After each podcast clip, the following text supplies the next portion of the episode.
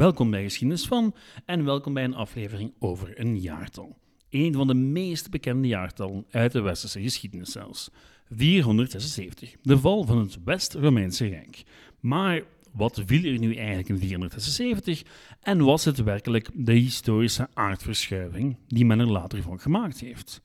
De zoektocht naar antwoorden op die vraag leidt ons vandaag langs een bonte collectie Germanen, de opkomst van het christendom, plagen en burgeroorlogen. Dat en nog veel meer in deze aflevering van Geschiedenis van.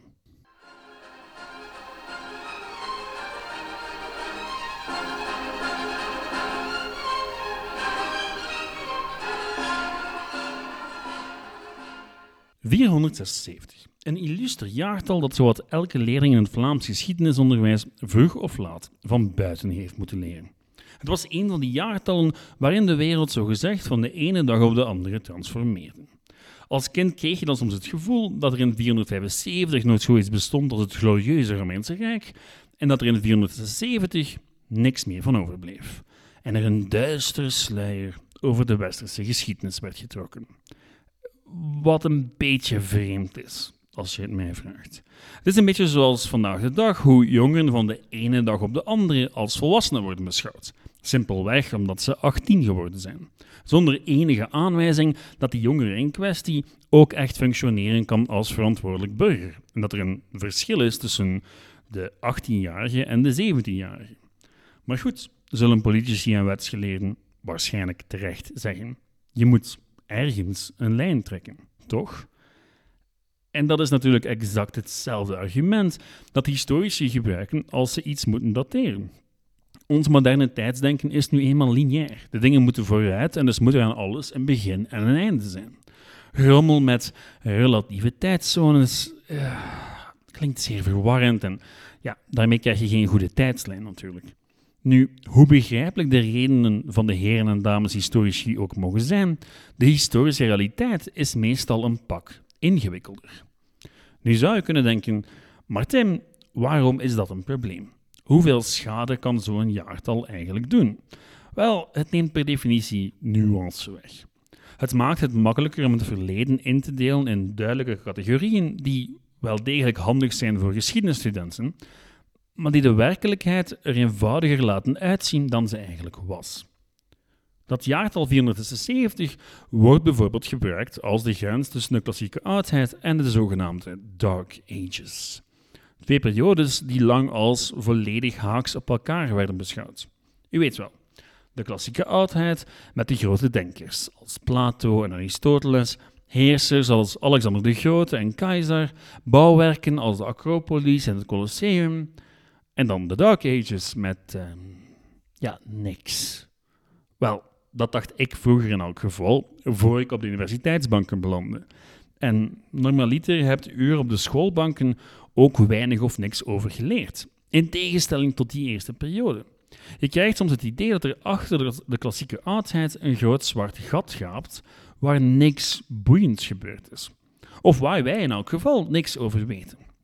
Het licht lijkt pas weer aan te gaan met de verschijning van een zekere Karl de Grote, al durft de naam Clovis ook wel al eens vallen. In de klassieke geschiedschrijving van vroeger was de klassieke oudheid een van de hoogtepunten van de menselijke beschaving. Een bloeiperiode die eindigde in 476 en het zou duren tot de renaissance, vooraleer de westerse beschaving werkelijk terug op dat niveau zou komen. Goed, vandaag de dag is dat absolute onzin voor de meeste historici. Maar het idee is wel blijven hangen natuurlijk. In deze aflevering en de volgende bekijken we wat er nu eigenlijk gebeurde in 476, hoe het zover is kunnen komen en wat het grote verschil is tussen voor en na. Vandaag zijn we vooral bezig met voor, volgende week met na. Goed, laat ons een blik werpen op dat jaartal, 476, en wat er nu eigenlijk gebeurde. Wel, kort samengevat, de laatste Romeinse keizer werd afgezet door de Germaanse koning Odoaker. Ergo, einde Romeinse Rijk. Waar het niet dat tegen 470 het Romeinse Rijk al in twee gesplitst was. Wat viel in 470 was het West-Romeinse Rijk. Het Oost-Romeinse Rijk zou stand houden in de een of andere vorm tot 1453, toen Byzantium viel aan de Ottomanen. Vallen is trouwens een groot woord, wat 476 betreft. In 1453 viel er echt iets, namelijk de muren van Byzantium. In 470 werd een 16-jarig jongetje aan de kant geschoven door de echte macht achter de troon, die besloten had om niet verder te gaan met een toneeltje dat toen al een hele tijd aan de gang was. Het toneeltje in kwestie was dat van een sterke man achter de troon, die het werkelijk voor het zeggen had, maar voor de goede gang van zaken de fictie volhield dat de keizer de werkelijke macht was in het keizerrijk. Wat al lang niet meer zo was. Al niet meer sinds 395 na Christus. Nu goed, dat hele theaterstuk ging nog een tijdje door na 476, want Odoaker verklaarde zichzelf niet tot keizer, maar tot koning van Italië. En stuurde de kroon en de purperen keizersmantel op naar Byzantium, met een briefje dat hij over het westen zou heersen als onderdaan van het oosten. Niks van aan natuurlijk, toch niet in de werkelijkheid, maar voor Odoaker noodzakelijk om zich te kunnen legitimeren als ja, onderdaan van het Oosten. Als iemand die de tradities van het Romeinse Rijk zou verder zetten. Want ja, het merendeel van de mensen in dat rijk verwachten dat de zaken zouden verder gaan als voorheen. En tot op zekere hoogte deden ze dat ook. Maar daar kom ik nog op terug. Eerst moeten we misschien even schetsen hoe we tot 476 geraakt zijn. Want toegegeven, dat klinkt helemaal niet meer als het Romeinse Rijk uit onze schoolboekjes. Wel, feit is dat er meer dan één bestaansvorm van het Romeinse Rijk was. Om te beginnen was er de stadstaat Rome, eerst een koninkrijk, dan een republiek. Die stadstaat begon vanaf de 4e eeuw voor Christus de rest van Italië op te knabbelen. En na de oorlogen met Carthago volgden delen van Spanje en Noord-Afrika. Die veroveringen leidden tot een heleboel wijzigingen in hoe Rome bestuurd werd, inclusief ambitieuze generaals die voor hun eigen glorie en portemonnee steeds meer stukjes van de gekende wereld probeerden te veroveren. Wat leidde tot Marius, Sulla, Caesar, een bloedige burgeroorlog en de eerste keizer, Augustus. Het is dat keizerrijk, het keizerrijk van Augustus, waar de meesten van ons onmiddellijk aan denken als we het hebben over het Romeinse Rijk. De Pax Romana, weet je wel. Augustus en zijn opvolgers lieten een heleboel aspecten van de republiek intact, allemaal om de goede vrede te bewaren. In realiteit lag de macht wel degelijk bij één man, maar de illusie dat de Senaat, consuls en de hele reutemetuit nog iets te zeggen had, werd hooggehouden. En het werkte angstaanjagend goed. Aan de grenzen moest wel af en toe een robotje gevochten worden, maar voor de gemiddelde vrije burger in het Romeinse Rijk was het leven lang zo slecht niet. Er was stabiliteit, er was handel, het leven was goed. Wel, dat, dat is het keizerrijk dat alle romans, films en tv-series tot leven proberen te brengen. Niet alleen het keizerrijk van Augustus, maar ook van Claudius, van Caligula zelfs, van Nero. Zelfs het leven onder die fameus slechte keizers was relatief goed in vergelijking met wat zou volgen. Het systeem dat Augustus op poten zette, werkte dus redelijk goed tot het einde van de tweede eeuw na Christus. Zowat twee eeuwen lang dus. Toen volgde het jaar van de vijf keizers. Met jawel vijf keizers in één jaar. Daarna kwam wat meer stabiliteit tot 235 na Christus, toen de crisis van de derde eeuw uitbrak. Keizer Severius Alexander werd vermoord door zijn eigen troepen, wat wel vaker zou gebeuren, en daarmee trapten ze een gigantische crisis in gang. Germaanse stammen bestormden de grenzen, generaals vochten om de keizerskroon, de Sassanieten vielen binnen in het oosten en in 251 brak nog eens een plaag uit. Tegen 258 was het keizerrijk uiteengevallen in drie verschillende staten. Een Gallisch keizerrijk in het westen, een Italiaans in het midden en het Palmyreense rijk in het oosten. Palmyreens, jawel, tot een paar jaar geleden had ik er ook nog nooit van gehoord. Het was keizer Aurelius die in 274 uiteindelijk alle stukjes weer aan elkaar wist te naaien, maar natuurlijk niet alle problemen in één keer wist op te lossen. Het was Diocletianus die tegen het einde van de derde eeuw het keizerrijk grondig hervormde. Zeer grondig. Hij deelde het zelfs in twee.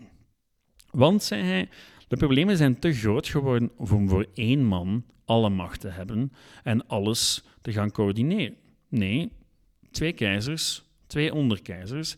En zo kan je proberen reageren op alles wat er gebeurt. Alle grenzen, alle interne strubbelingen.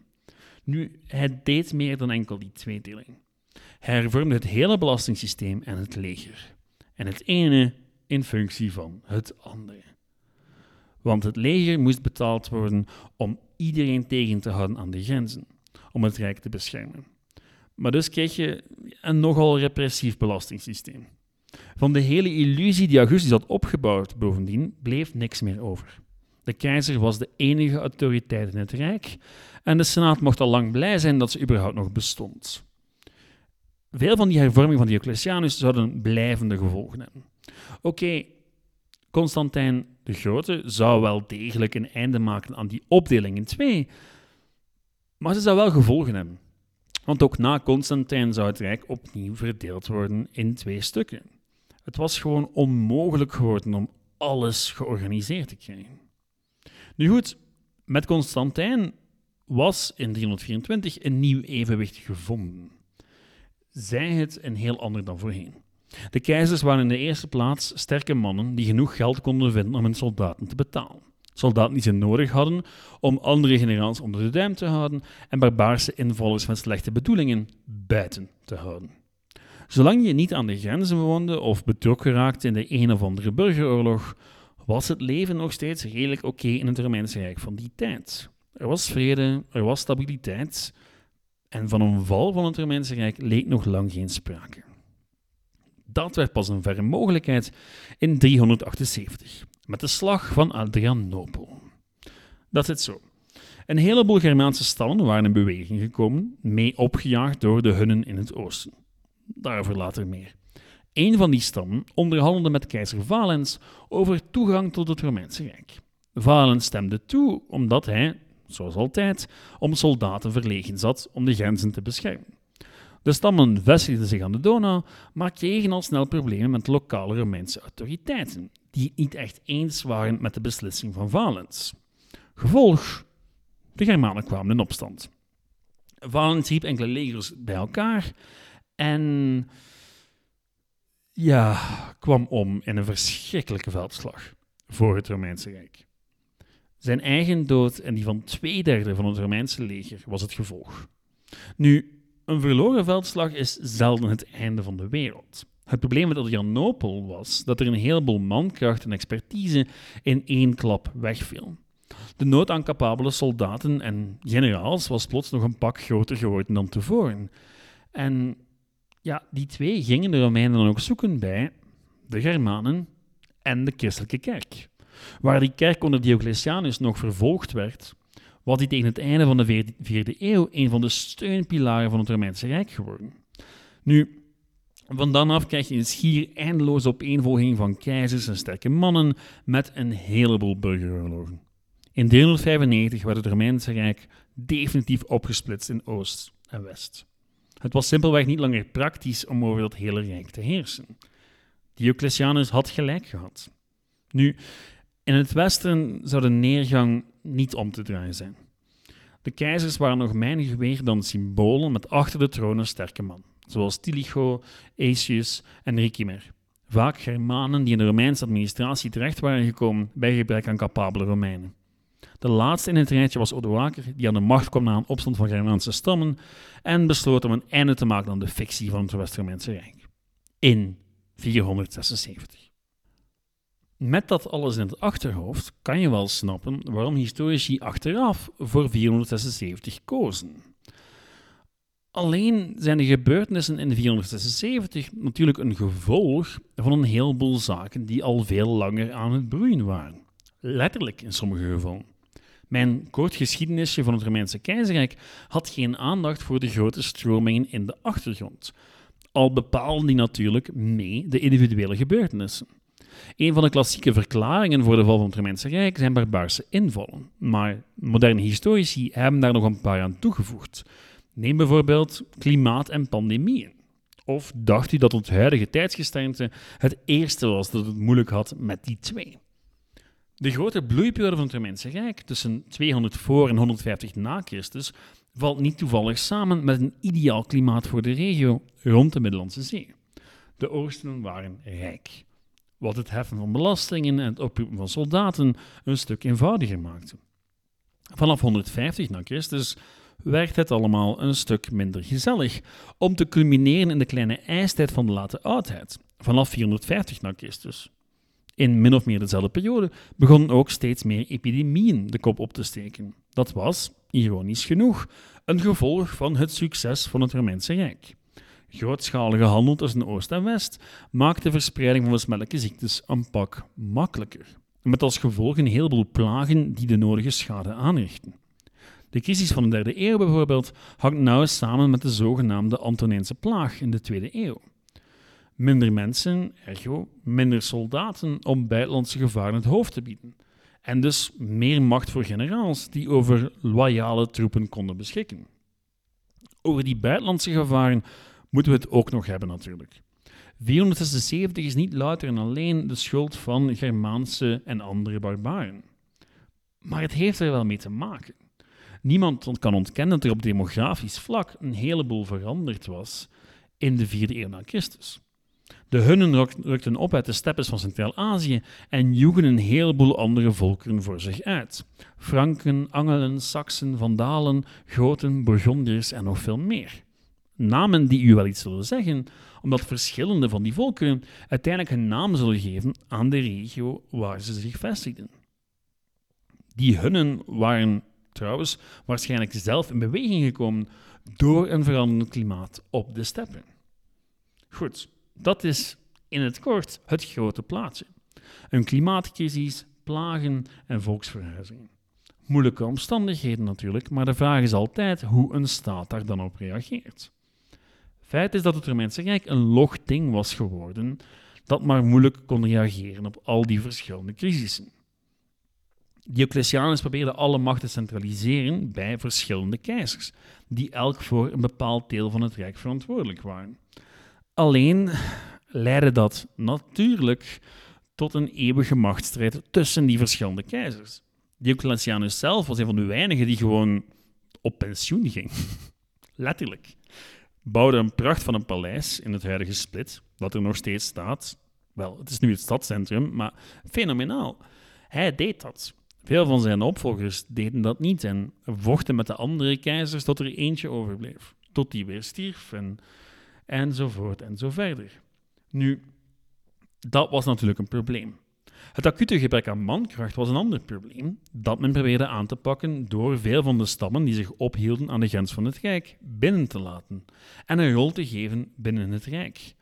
In het begin gewoon als individuen, maar later in de vorm van hele stammen die zich in bevolkte regio's vestigden. Of hoe de Franken in onze streken terechtkwamen. Niet als het gevolg van een gewelddadige invasie, maar op uitnodiging, uit noodzaak. Ze waren trouwens ook essentieel in het verslaan van Attila de Hun.